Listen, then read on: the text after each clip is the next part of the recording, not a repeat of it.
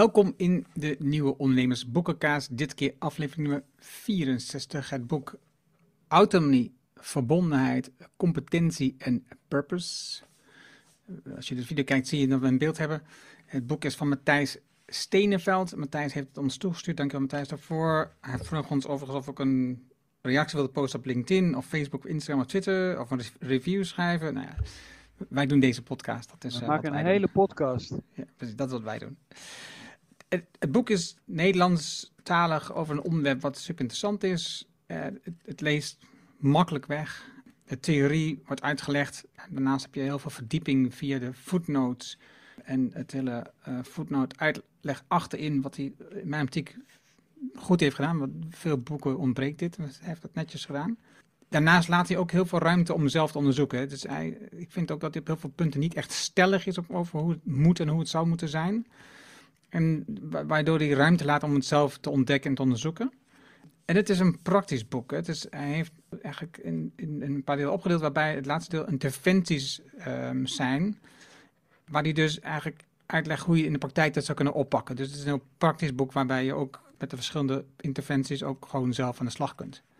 Ja, dat was mijn korte ehm, intro op het boek. Wat was die van jou? Ik onderschrijf dat. Ik denk dat het een goede introductie is. Voor, maar dan zijn we al bijna in de inhoud. Dus eh, je moet even stop zeggen als ik al te ver ga. Ik denk voor de mensen die bijvoorbeeld zelfs die termination theory van Daisy en Ryan en zeggen van, oh, heb ik wel eens van gehoord, maar daar zou ik wel iets meer over willen weten. Eh, waar op dit moment best wel veel over te doen is. eh, dat het een hele goede introductie is.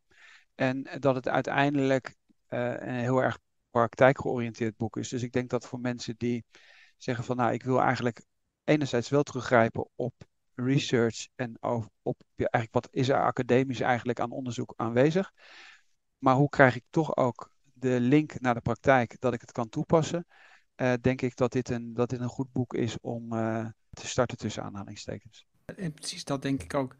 Het boek is opgedeeld in vier delen. Eh, en, en dat is een beetje eigenaardig, want het lijkt veel meer. Maar het is het, de eerste drie delen, dat is goed werk van theorie naar jouw praktijk en goed werk mogelijk maken. Dat zijn dan eerste, de eigenlijk eerste vier hoofdstukken. En dan zijn er de interventiehoofdstukken. En dat zijn, dat zijn er eigenlijk meer dan de drie die een soort introductie vormen.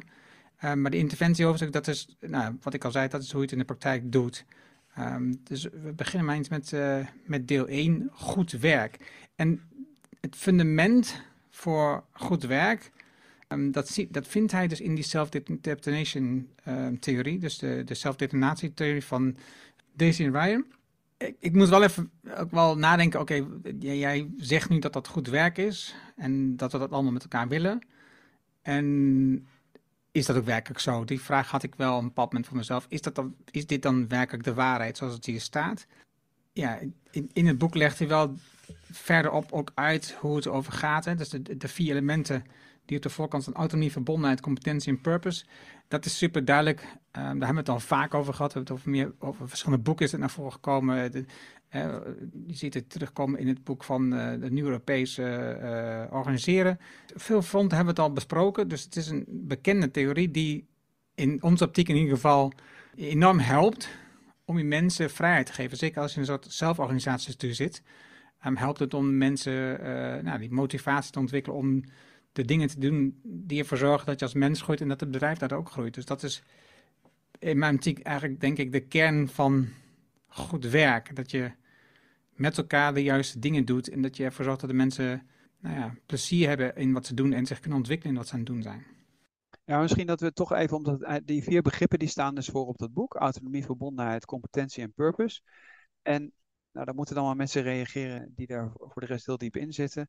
Maar wat hier naar mijn, naar mijn inschatting eh, gebeurt, is dat de Daisy en Ryan theory, ik geloof dat het de jaren 50 is. Ik heb het even niet, niet exact opgezocht. Dat heeft die drie kernelementen waar wij het vaker over hebben gehad. Eh, autonomie. En dan, zeg, en dan zeg ik bewust even in een, andere, een andere volgorde: autonomie, competentie en verbondenheid. En, en in het boek van Daniel Pink, Thrive, wordt die verbondenheid vervangen door purpose. En dat boek hebben we ook besproken. Dus wat gebeurt er in principe? Dat die verbondenheid blijft staan. En hij voegt in principe wat Daniel Pink veranderd heeft. En dat boek Thrive is natuurlijk een enorme bestseller geworden. En zijn TED-talks, et cetera. Dat voegt hij eraan toe. Dus hij zegt van het ene klopt en het andere klopt ook. Verbondenheid en purpose uh, geldt beide. En, en wat hij eigenlijk doet is dat hij eigenlijk op die vier thema's gaat hij in. Maar dat doen wij in onze boekenpodcast ook. Dus als het bijvoorbeeld over competentie gaat, hè, wat, uh, wat mastery is, dan hebben wij het bijvoorbeeld in de Aziatische leer heel vaak over het steeds beter worden, et cetera. Of als het over purpose gaat, uh, iets zinvols doen, et cetera. En dat, en dat doet hij eigenlijk hier in dat boek. Maar deelt die hoofdstukken anders in dan dat hij zegt van weet je wat, ik heb hier vier, begrippen en ik maak gewoon vier hoofdstukken. Ik had het eerlijk gezegd dus ik sloeg dat boek open. Ik dacht van nou, er zullen wel vier grote hoofdstukken zijn die onderverdeeld zijn. Begint met autonomie en dan, ik zou maar zeggen, competentie. En dan komt verbondenheid en purpose komt aan het einde. Dat had ik eigenlijk verwacht, maar die indeling is dus anders. Alleen de structuur van die principes blijft natuurlijk gewoon hetzelfde. Ja, oh, en wat ik ook wilde vertellen, want ik heb even een beetje gekeken naar wat hij doet, die Matthijs. En hij um, houdt zich bezig met positieve psychologie. En daar hebben we het ook al eerder over gehad. Um, want de grondleggers van die positieve psychologie, dat zijn Martin Seligman en die hele ingewikkelde naam Miali uh, van het boek Flow, wat we besproken hebben. En uh, die Martin Seligman die heeft vooral heel veel trainingen, lessen en, en, en presentaties gegeven over dit onderwerp. Is overigens in 2021, 2021 overleden. En daarin zie je dat um, wat wat ik mooi vind in het stuk van Seligman, wat hij onderzoek heeft gedaan. En uh, we hebben nu hier, hij heeft nu gekozen met tijd voor vier onderwerpen te noemen. Maar in uh, het onderzoek wat Seligman heeft gedaan, zijn, gaat over de aantal goede eigenschappen, de deugden. En die voor alle culturen gelden. Hij heeft heel verschillende landen onderzoek. Dat is wijsheid, moed, liefde, liefde en medemenselijkheid moet ik zeggen. Rechtvaardigheid, gematigdheid, zelfbeheersing en spiritualiteit. Dus daar is het eigenlijk nog veel breder dan deze vier onderwerpen. En, en ik, denk, ah, dat is wel echt wel een hele mooie. En dat zie je ook terugkomen uh, bij het Trimbos Instituut. Daar hebben ze ook uh, daar heel veel natuurlijk onderzoek naar gedaan. En daar hebben ze het over het welbevinden. Hebben ze het over zes dimensies: doelgerichtheid, persoonlijke groei, autonomie, omgevingsbeheersing, zelfacceptatie en positieve relaties. Dus daar zie je wel weer de vier kenmerken terugkomen. En positieve relaties kun je zeggen als verbondenheid bijvoorbeeld. Hè? Uh, competenties, persoonlijke groei bijvoorbeeld. En autonomie staat er zo één op één in. Maar er zit ook zelfactualisatie en omgevingsbeheersing bijvoorbeeld in. dus als, je, als ik dan denk aan de stoïcisme bijvoorbeeld, zijn dat elementen die ik dan ook heel erg herken. Dus hij heeft hier vier gekozen, maar eigenlijk zou je hem zelfs nog breder kunnen inzetten. Dat was nu mijn idee, wat ik hier hard toen ik het voor ging bereiden. Ja, maar Seligman zit natuurlijk meer, ik zou hem zeggen, op de deugden die we ook vanuit uh, filosofie en zo kennen. Het zijn natuurlijk heel vaak toch gevluchte Oost-Europeanen. En dan wordt het in principe opnieuw verpakt. En ik zou maar zeggen, de, vier begrippen die hij hier nu neemt, is meer van ja, hoe creëer je dan een werkomgeving waarin mensen kunnen floreren. Hè? Hij vindt dat woord floreren ook, heeft hij, heeft hij liever, uh, gebruikt hij graag. Uh, dus dit is, dat is eigenlijk meer van ja, hoe, hoe creëer je dus in zo'n bedrijf, hè? het is een boekenpodcast waarschijnlijk primair voor ondernemers of mensen die in managementfuncties werken of in HR en zo werken. Hoe creëer je nou een omgeving waarin mensen kunnen floreren en dat zijn dan die vier begrippen uh, waar we het net even over hadden, die die, uh, die, die dan aan het uitdiepen uh, is in het boek. Ja, in het tweede deel dan gaat hij van theorie naar jouw praktijk. En waarin hij dus bijvoorbeeld zegt, mensen floreren als omstandigheden goed zijn. En dan heeft hij het over intrinsieke en ja, niet intrinsieke, motivatie. En dan heeft hij een mooi, um, als je een video kijkt dan zie je nu het figuur in beeld. Heeft hij dit mooie figuur, waarbij je uh, de um, meer extrinsieke motivatie en de intrinsieke motivatie. Maar intrinsieke motivatie is dan opgedeeld in de persoonlijke waarde. Dus je doet dit omdat bij je past. En de intrinsieke motivatie omdat je de activiteit aan zichzelf erg leuk vindt. En dus wat hij zegt is, nou, als je, als je wilt dat mensen floreren, dan is dit dus belangrijk. Want als je extrinsiek moet motiveren continu, je moet beloning geven, moet aandacht geven, moet alle dingen doen. Of straffen, eh, als je denkt dat dat werkt, harder schreeuwen of wat dan ook dan is het heel ingewikkeld om mensen continu ja, dat, ze, dat ze dingen gaan doen. Terwijl als, ze, als je de juiste dingen aan hun geeft, of de, juiste redenen geeft om dingen te doen, ja, dan worden ze intrinsiek, gemotiveerd. En dan gaat het eigenlijk um, als vanzelf. En het volgende stukje, dat ook nog de missie, is dus behoeftebevrediging. Dus je bevredigt de behoefte van de mensen die bij je werken om te laten floreren. Dan moet die ook weer. Waar hij dus zegt vanuit de vier woorden, eh, hij heeft hem ook vooraan staan, je begint met autonomie volgens hem. Je begint met het feit dat je de medewerker de autonomie geeft om zelf keuzes te maken, om zelf beslissing te nemen van wat um, kan ik doen, wat wil ik doen, wat is op dit moment belangrijk voor mij. Eigenlijk staat de samenvatting van het boek, en ik hoop dat, uh, ik hoop dat Matthijs Steneveld uh, ons dat vergeeft. Moeten natuurlijk het hele boek lezen. Maar de samenvatting staat wat mij betreft op bladzijde 31 en 32. In een, uh, zo'n grijs, ik zal het even laten zien voor de kijkers. Uh, daar staat gewoon even heel kort uitgelegd. En dat is misschien, misschien moeten we het ook heel even doen. Want jij bent al begonnen met autonomie. Ik lees maar even die titels daar, daarboven voor. Autonomie is het ervaren van eigen vrije keuze. Het zelf bepalen van wat en vooral hoe je het doet, denkt en voelt. Nou, noemt hij een aantal voorbeelden. Eigen werkplek, inrichting, invloed op de agenda, et cetera, et cetera. Nou, kun je je zonder voorstellen. Anders ook maar die andere podcast uh, van ons luisteren. Punt 2 is die verbondenheid, verbinding met anderen, gewaardeerd worden, et cetera. Nou, dat is, uh, daar gaat hij dan verder in het boek ook natuurlijk op in, voorbeelden. Dan is drie die competentie van het meesterschap.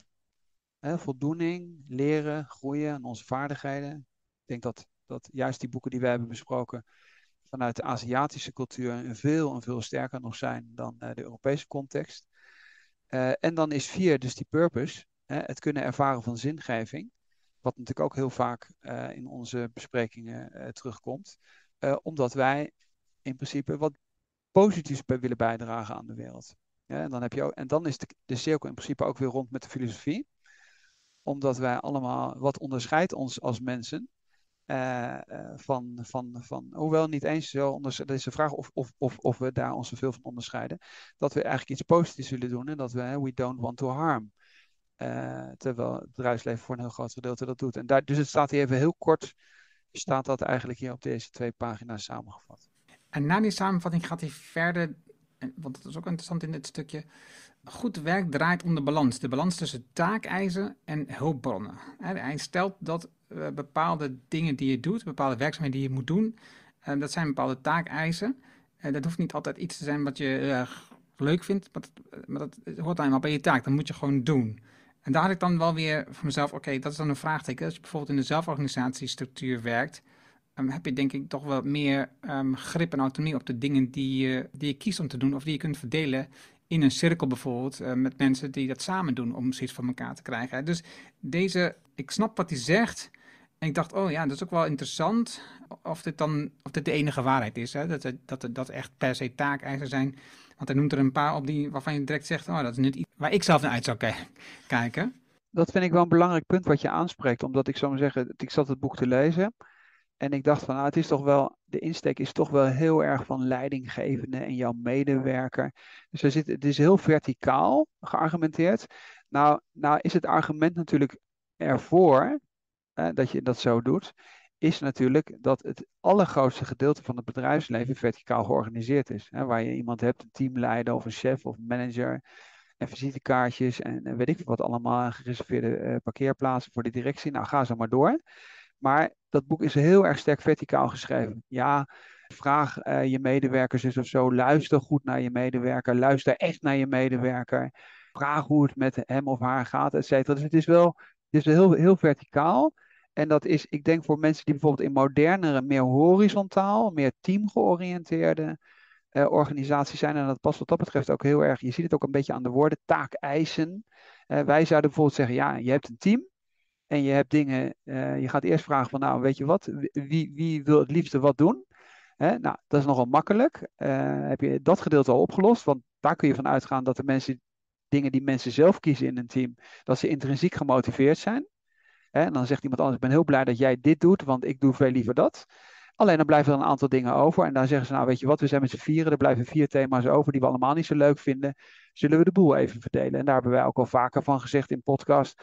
Dat heb je in je privéleven ook. Misschien vind je het ook helemaal niet leuk om de vuilniszak buiten te zetten. Maar dan zeg je, de een brengt glas in de glasbak en de ander zet de vuilniszak buiten. En dan worden we ook allemaal niet, uh, krijgen we ook allemaal niks van, zou ik maar zeggen. En dat, dat, daar maak je dan hier een model van. Maar ik denk, ook al zou je verticaal georganiseerde bedrijven hebben, zijn er nog steeds tegenwoordig, zeker in een Nederlandse context, zijn er voldoende mogelijkheden te zeggen, weet je wat, zullen we gewoon eens aan tafel zitten eens even kijken hoe we het werk verdelen. Ja, en dat was wel een beetje wat ik, al, wat ik al zei aan het begin. Dat is wel een van de gevoelens wat ik had, waar ik twijfels, waar ik een soort uh, raar gevoeld bij dat boek. Om, de autonomie is dus mooi, een beetje zo dat beeld krijg je, dat moeten we ook door, maar wel onder een bepaalde limiet, zeg maar. Dus wel tot een bepaalde grens. Hè. Dus de leidinggever bepaalt uiteindelijk wat er moet gebeuren. Zo'n beetje dat gevoel had ik erbij.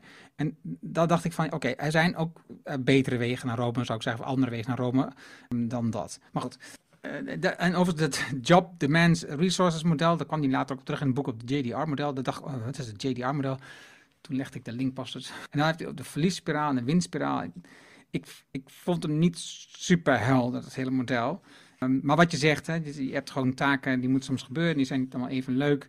En wat hij daarna zegt is dat je dan als organisatie, of als leidinggever, of als leider, de hulpbronnen moet aanreiken om dat goed te kunnen doen, die taakijs goed te doen, om dat, om dat zo in, ja, makkelijk mogelijk te maken. Daar ben je dan weer verantwoordelijk voor als leidinggevende. Nou, dat was wat ik wel, wel vertelde over dit deel. Wat wil, jij, wil je nog iets aanvullen of wil je naar de volgende gaan? Ja, we kunnen wat mij betreft naar de volgende gaan. Maar wat je bijvoorbeeld wel merkt is bijvoorbeeld de laatste, laatste 40. Het is bijvoorbeeld toch weer ook weer CEO, weet je. Het is toch weer van uh, uh, het kopiëren van andermans succesmethode. Het is toch weer van, weet je, het is dat we natuurlijk ook vaak kritiseren. Elon Musk en Jeff Bezos en et cetera, et cetera. Heel erg sterk kijken naar een persoon. Terwijl dat nou juist voor zo'n organisatie, als je zegt van ja, hè, want ik bedoel, waar gaat het boek over? Het gaat om over organisaties. Het gaat niet over de topvoorbeelden, et cetera. En er staat dan hier weer in van uh, hoger management. Uh, dus het is, denk ik van ja, eigenlijk, eigenlijk pas bij de inhoud die je, die je thematiseert, zou je best wat horizontaler kunnen, kunnen schrijven tussen aanhalingstekens. Ja. Nou, het derde deel is dat is goed werk mogelijk maken. Je had het net al een beetje aangestipt. Hier gaat het ook weer over het gesprek met de medewerker. Uh, maak de verbinding met de ander, begrijp de ander, laat de ander bepalen en meepraten. En het is allemaal een beetje gezien vanuit de leider. Terwijl als je uh, meer horizontaal denkt, dan zit je in een team en doe je dat gewoon samen. Maar hier komt wel het onderdeel, um, en daar hebben we het ook eerder aangestapt, maar hier, hier zeker, de psychologische veiligheid. Daarvoor hebben we het ook over gehad, het boek. En dus als je, als je wilt dat de ander gaat meepraten en dat hij gaat meedenken en ook besluiten neemt op dat vlak, dan is het dus van belang dat je de psychologische veiligheid in je organisatie vergroot, zodat die mensen ook werkelijk ja, de moed hebben om dat ook te kunnen doen. En ook niet, als het niet goed gaat, en niet gelijk worden afgestraft. Over dat straf en beloning komt straks ook nog terug. En een beter wereld begint bij jezelf bijvoorbeeld, heeft een hoofdstuk. En als laatste in dit deel gaat het over It's the system stupid. Ja, oké als je het systeem aanpast, dan, ja, dan gaat het beter werken. Dus eh, een onderdeel van het systeem, denk ik, is dus juist al die leidinggevende posities die je dan inbrengt in het systeem. En dat je dat denkt dat dat de oplossing is. Hè. En als ik met mensen op dit moment, ik heb met een aantal klanten al, al gesproken over, over zelfsturing, dan hebben ze het over zelfsturing. En dan zijn er nog zoveel elementen die zij dan denken die ze moeten doen als leider, als manager, als partner van het bedrijf omdat ze denken dat dat nou eenmaal zo hoort. Terwijl als je met hen wat vragen stelt om over na te denken, hoe zou je dat werk nou eens kunnen verdelen over de mensen die, die, nou, die het misschien net zo interessant vinden als jij, of dat, doordat ze juist eh, een team samen over gaat nadenken, in plaats van dat jij dat gaat bedenken en dan bij hun neerlegt dat ze daarna moeten invullen. Ja, ik denk dat dat, als je praat over het systeem aanpassen, ik denk dat dat pas echt een goede aanpassing wordt. Dat je veel meer je team als geheel betrekt. En niet jij al het van hebt voorgekoud en dan neerlegt en zegt, ah, nu mag je nog de rest invullen wat hieronder valt. Want, want dan heb je nog geen autonomie. Ja, ik neem maar even, dat, juist omdat je dat net ook even noemde. Dus hij heeft een, een stukje een betere wereld begint bij jezelf. En dan is de eerste zin, nu ben je, nu ben je als leidinggevende, de zaak is of vanuit een andere rol, uh, handvatten om je medewerkers te ondersteunen in het floreren en presteren. Nou, dat is een typisch voorbeeld waar ik zou zeggen van denk erover na dat mensen elkaar, dus hè, cijfer jezelf weg.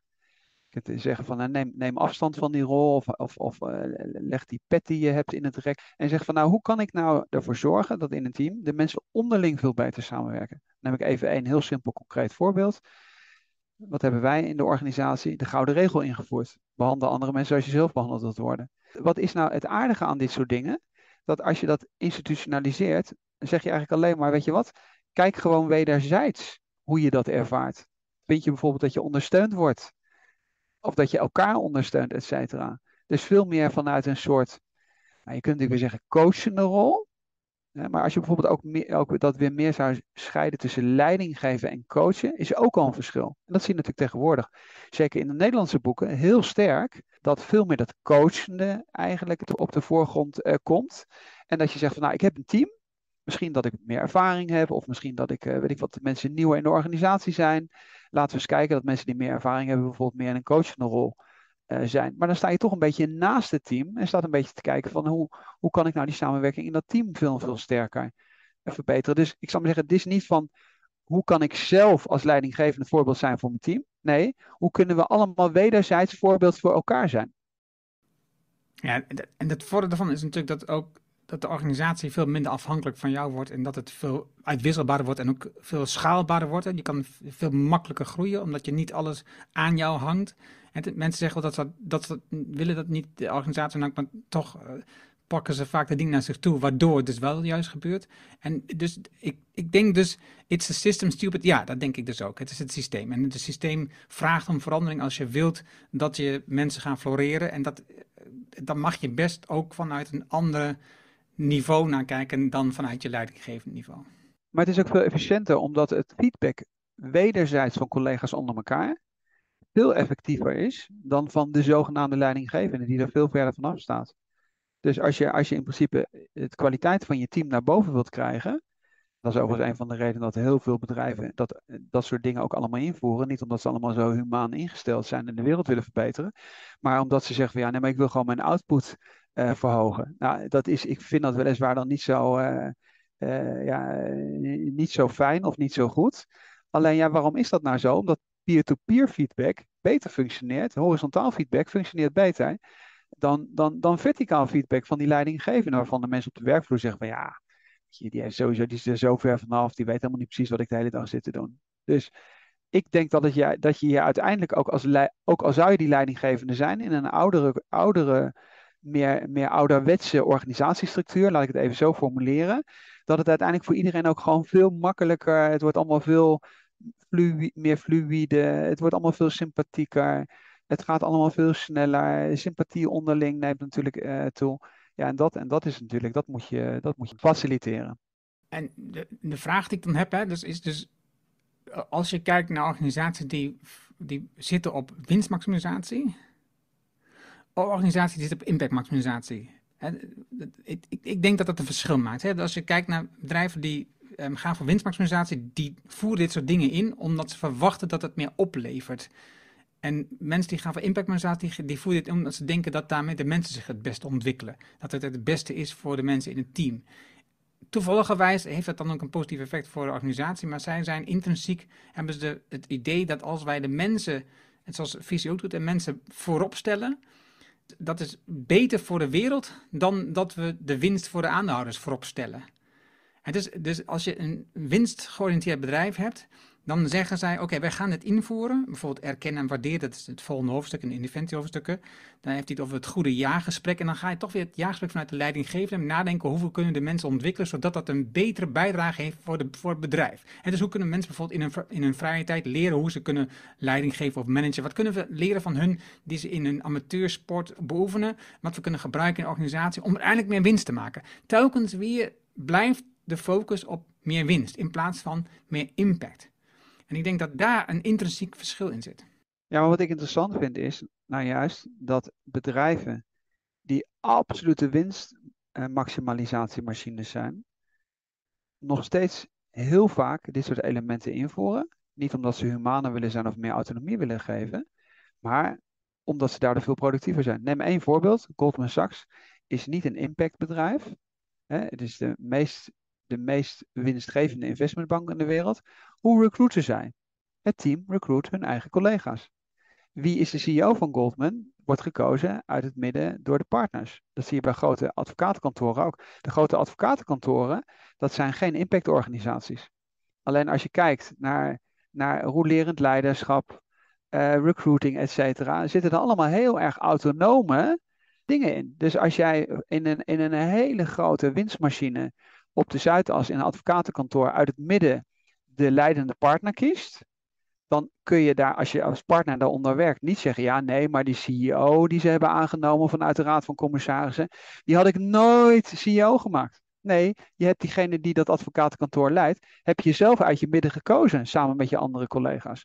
En dat zijn de dingen die ik altijd zo interessant vind. Dus ik ben het inhoudelijk met je eens. Ik vind ook dat bedrijven veel meer hun maatschappelijke verantwoordelijkheid zouden moeten dragen. Alleen wat het nou juist zo interessant maakt, is dat die bedrijven die winstmaximalisatie nastreven, heel veel van dit soort elementen juist wel hebben geïntegreerd in een businessmodel. Super. Het hoofdstuk erkennen en waarderen, dat het, het, is het eerste hoofdstuk in het interventiehoofdstuk. Daarin gaat het dus over ja, belonen, onder andere. Dus het belonen van de mensen in je organisatie. En we hebben het ook al vaak over gehad, over Ravoux bijvoorbeeld. Hoe voel je nou een goed jaargesprek, maar ook um, hoe, hoe beloon je dan mensen? En bijvoorbeeld hij heeft het over belonen van fouten maken. En uh, denk eens aan teambeloningen in plaats van individuele beloningen. Het zijn allemaal elementen die, die Kilian uh, in zijn boeken en onderzoek ook genoemd heeft. Hè? Dus, en jij noemt dat ook vaak. Hè? Dus, uh, we hadden het ook over het boek over um, fouten maken. Hè? Dus dat je dat heel erg transparant maakt. Maar als je zo'n fuck-up sessie organiseert, dan zet je toch iemand op een bepaald podium. Terwijl je kan veel beter het team um, in, in het geheel zetten. Want dan, krijg je, dan krijgt het team krijgt aandacht in plaats van een individu. Wat, veel meer effect heeft. En ook sowieso naar die verbindenheid met elkaar. Dus de verbinding, ja, dat, dat, dat creëer je daarmee. Je, je krijgt een betere cultuur als je niet een individu de plek geeft. Wat we in deze maatschappij natuurlijk toch wel veel doen. Wat je al gezegd, Elon Musk en dat soort mensen. Ja, wat dat betreft, als de mensen dat belonen uh, interessant vinden, en dan moeten we maar, denk ik, toch verwijzen naar het boek van Kilian Wawou. Ik denk dat Kilian Wawou, uh, dus docent, of ik weet niet of hij inmiddels al professor is aan de, in Amsterdam aan de universiteit. Dat is wel een van de allerbeste boeken op het gebied van belonen. En het interessante bij Kilian Wawou is dat hij zelf ook aan de andere kant heeft gezeten, omdat hij bij de ABN AMRO de bonussen verdeeld heeft. Daar schrijft hij ook over. Dus denk, ik denk dat dat heel erg zinvol is daarna te kijken. En het tweede, als mensen het interessant vinden, en hij noemt het wel, Amy Edmondson, Psychological Safety. Uh, ook naar de podcast te luisteren die wij over, uh, over Amy uh, Edmondson's boek eh, hebben gedaan, Fearless Organization. Omdat dat wel heel erg goed aansluit bij, bij wat Matthijs Steneveld hier eigenlijk aanstipt.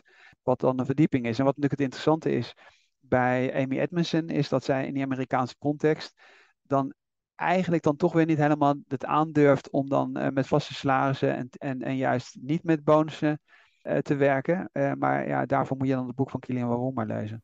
Ja, nou, ik vind dat, dat heeft Matthijs zeker goed. Hij kiest daar wel echt wel goede onderwerpen en ook goede theorieën um, combineert hij. En wat dat betreft kiest hij mooie dingen.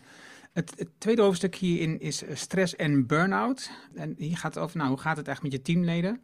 je ziet wel weer, de leiderschapsstructuur, de leider kijkt dan naar het team, hoe het ermee gaat en heeft bijvoorbeeld thermometergesprekjes. Hè. Dat is een van de dingen die het noemt. Je, je, je, peilt je collega's hoe het ervoor staat. Dat kan je als leider doen. Maar wat Tom net ook al zei, je kan het natuurlijk ook in het team verdelen. Dat je elkaar gewoon in de gaten houdt. En dat zie je ook gebeuren. Wat ik, maar wat ik dan weer vaak zie, is dat ze houden elkaar in de gaten. Op het moment dat ze merken dat iets misgaat, gaan ze dan terugkoppelen naar een leidinggevende die dan daar actie op moet ondernemen. Dat, dat is dan een stap te ver om zelf die actie te ondernemen. Maar dat, ik denk dat, dat daar, zit nog, ja, daar zit nog wel heel veel kans in om nou, die negatieve elementen, stress en burn-out, te verminderen in organisaties. Door gewoon in teams, niet alleen de leider daarvan verantwoordelijk te maken, want die staat toch vaak verder weg, maar gewoon je teamleden in de gaten, hè, dat die elkaar in de gaten houden en daar ook gewoon elkaar ondersteunen om dat te organiseren, in plaats van elkaar afbranden achter de rug om. Leren en ontwikkelen. En hier heeft hij het over het ontwikkelen van een leercultuur. Nou ja, daar, in Nederland hebben we het daar überhaupt heel veel over. We hebben het heel veel over het ontwikkelen van het intellect. En dus dat we, mensen moeten steeds meer weten. Ja, ik, ik denk als ik kijk naar onszelf, wij lezen natuurlijk enorm veel, we bespreken die boeken, we werken het uit en daar leer je enorm veel van. Daarnaast leer je veel van gesprekken met anderen over nou, elementen waar je discussies over kunt hebben. Dus over de grote vraagstukken op dit moment in de wereld bijvoorbeeld. Maar als je kijkt naar de gemiddelde ondernemer, de gemiddelde CEO, die leest eigenlijk heel weinig boeken bijvoorbeeld. Hè. Dus die is, die is zo druk met zijn werk dat hij, dat hij vindt dat hij geen tijd heeft om zich daarmee bezig te om boeken te lezen bijvoorbeeld. Terwijl als je wilt dat je organisatie, en daar hebben we het over, het is het systeem wat dan niet klopt. Maar, maar, als, jij, als jij zelf al niet daar je hebt ontwikkeld, dan is het heel ingewikkeld voor je mensen in je team um, aan te moeten om dat ook te doen. En ja, ik denk, ik denk dat daar nog veel ruimte in zit. Uh, op het stukje feedback geven, dat vond ik wel mooi. Ik wil zeggen, is Tika Peeman, die werd hier genoemd. Die, uh, die ken ik ook van, van ander werk.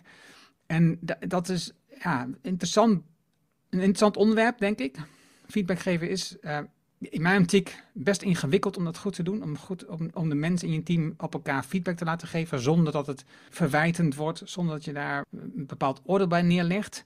En, um, en de TICA heeft daar veel verstand van. Wat wil je nou van vertellen over deze twee dingen? Ja, ik heb daar altijd een beetje moeite mee, moet ik je eerlijk zeggen. Dus ik zou zeggen, die Amerika die, uh, het is toch een beetje Amerikaans altijd, dat feedback. En als je het dan de sandwich methode doet, of je noemt het feed forward, et cetera, dan lijkt het alsof je door een betere techniek het hebt opgelost. Maar de mensen zijn natuurlijk helemaal niet gek. Dus uh, als jij met een sandwich methode komt, dan voelt iemand ook al de hamer hangen. En weet, oké, ik ben benieuwd wat na, die, na, die, na dat positieve compliment wat er dan komt. Dus ja, dan zijn we weer een, beetje bij hetzelfde. Ik denk dat het veel meer gaat om fundamentele institutionele dingen. Dus als het om psychological safety gaat, om vaste salarissen, mensen niet te ontslaan, arbeidszekerheid creëren, et cetera. Dat is, dat is wat stressreducerend is. En het absurde is natuurlijk dat je, en dat is onze kritiek ook geweest op Amy Edmondson, dat je, in een, dat je het over een fearless organization hebt in een in a, in a fearful society. Dus je hebt Amerikaanse auteurs die uitleggen hoe je dus technisch gezien iemand goed feedback geeft. Maar dat is het thema niet. Het thema is, moet ik bang zijn dat ik mijn baan verlies? Moet ik bang zijn dat ik een heel groot gedeelte van mijn salaris niet krijg? Moet ik bang zijn als ik een collega feedback geef dat hij zijn bonus niet krijgt? Moet ik bang zijn dat aan het eind van het jaar op een lijst van 10 mensen uh, de outperformers zijn, dat er op wordt gehangen wie de medewerker van de week is, et cetera. Dat is, dat is wat, wat angst en stress creëert. En dat in combinatie met privéfactoren of maatschappelijke factoren. We zitten nu midden in de fase van de Oekraïne-oorlog en de hoge inflatie, et cetera. Waar zijn de mensen nou bang voor? Mensen zijn bang dat ze hun baan verliezen. Mensen zijn bang voor een recessie. En mensen wachten erop dat een werkgever daar een statement doet en zegt: jongens, hoef je, jongens en meiden, je hoeft je niet bang te zijn dat je je baan hier verliest, want we hebben nog nooit iemand ontslagen. En overigens, we denken na over een inflatiecorrectie en jullie krijgen er vanaf volgende maand, ik noem maar wat, in eerste instantie 5% bij. Of we kijken naar de mensen die problemen hebben met een energierekening. Dat is wat relevant is, dat is de substantie. En niet of ik het feedforward noem of feedback noem. En, nu je dit laatste ook zegt, hè, dus dat je als organisatie daar uh, het voortouw neemt en zegt, hè, je krijgt 5%, of kijk naar mensen die problemen uh, lopen. Is, denk ik aan het gesprek terug wat ik had met Catherine Terbeck voor de podcast. En zij altijd, wat zij op dit moment zeggen, het meest storende wat, wat er is, volgens mij, is dus dat de overheid allerlei maatregelen moet treffen om de mensen die aan de onderkant afvallen, die dus bij bedrijven werken, om die te ondersteunen. En dus die bedrijven betalen gewoon te weinig en laten het aan de overheid over om daar een surplus op te geven, zodat die mensen kunnen overleven. Dat is toch een hele. De, de oorspronkelijke gedachte van een bedrijf is natuurlijk dat zij gewoon voldoende omzet maken, voldoende um, uh, realiseren met kosten, dat in, in de gaten zodat je gewoon een winstgevend bedrijf hebt. Niet alleen commercieel gezien voor het bedrijf, maar ook voor de mensen die bij werken, die, voldoende betaald krijgen. En dat ze gewoon kunnen leven en niet bang hoeven te zijn. Niet alleen hun baan verliezen, maar ook gewoon bang zijn voor de energierekening van de volgende maand. Omdat ze niet weten of ze dat wel kunnen betalen. Omdat ze eigenlijk gewoon te weinig betaald krijgen. Ik denk, dat is voor mij, denk ik, de kern van de discussie die een beetje in dit boek mist. Wat jij al zegt, die, die angstcultuur, die stress, de stress en burn-out. zijn, dat zijn trucjes die worden toegepast. Terwijl de essentie eigenlijk in dit boek op dat vlak, mijn wat weinig aandacht krijgt. Oké, hij heeft, ik ga het niet allemaal handen meer, hij heeft eh, onder een boek geschreven over hybride werken. Dat zie je terugkomen. Dat is een hoofdstuk wat gaat specifiek over hybride werken, over een combinatie van, hè, dus we hebben thuiswerk, we hebben werk van kantoor, er zitten veel verschillende bedrijven dat mensen misschien terugkomen. Anderen zeggen nee, we laten het mensen over. Hij zegt oké, dat aan mensen overlaten, dat, dat is een goed idee, maar het levert ook risico's op. En uh, ook daarmee zie je een soort structuur bedacht vanuit een organisatie, in plaats van dat je werkelijk in gesprek gaat met mensen. Wanneer is nou belangrijk voor jou om thuis te werken? voor wie is het nou belangrijk om terug te komen naar kantoor? Omdat je dan daar mensen ontmoet, omdat dat een deel is bepaald van de cultuur of omdat je dat fijn vindt. In plaats van wij gaan zeggen tegen jou, je moet tenminste twee dagen per week naar kantoor komen. Waarom?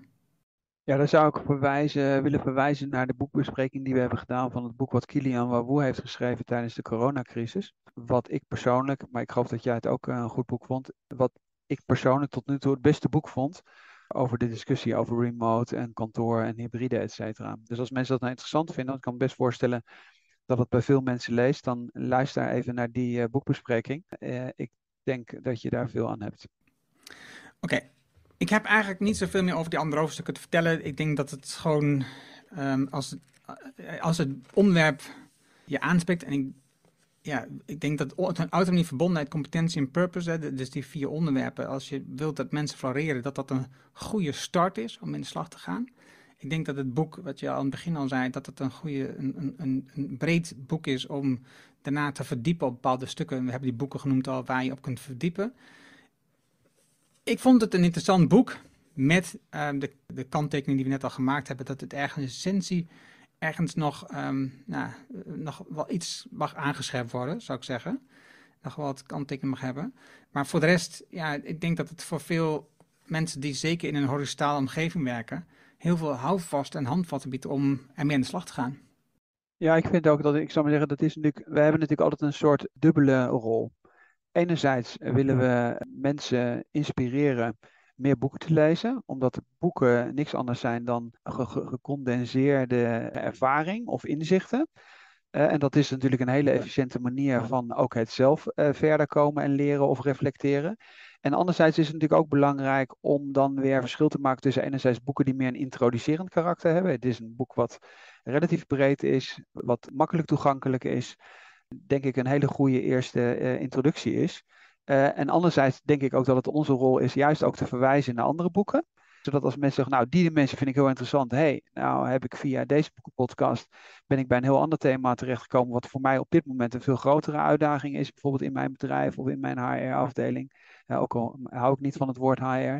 Dus ik, ja, ik hoop persoonlijk dat de mensen daar wat aan hebben. En dat ze er gewoon mee aan de slag gaan. Want iedereen die überhaupt leest en reflecteert, is al veel beter dan dat je zelf denkt eh, dat je het allemaal het beste weet. Want ja, daar zijn we in principe nog nooit beter van geworden. het is natuurlijk wel, je leert natuurlijk wel by, by doing, hè, learning by doing. Alleen als je natuurlijk, als we al dan vanuit het perspectief van die leidinggevende denken, dan zou het wel zinvol zijn dat je af en toe ook links en rechts kijkt en, en dat de mensen die dan onder jouw leiding uh, moeten floreren of mogen floreren, dat die dan niet proefkonijn zijn zonder dat je gereflecteerd hebt. En daarmee sluiten we deze aflevering van de Ondernemersboekencast af. Dankjewel voor het luisteren. En nou, vond het fijn dat je luistert. Deel gerust deze aflevering met anderen als je denkt, die moeten meer weten over dit onderwerp. Um, graag tot de volgende keer. Dankjewel Tom. Dankjewel Erna.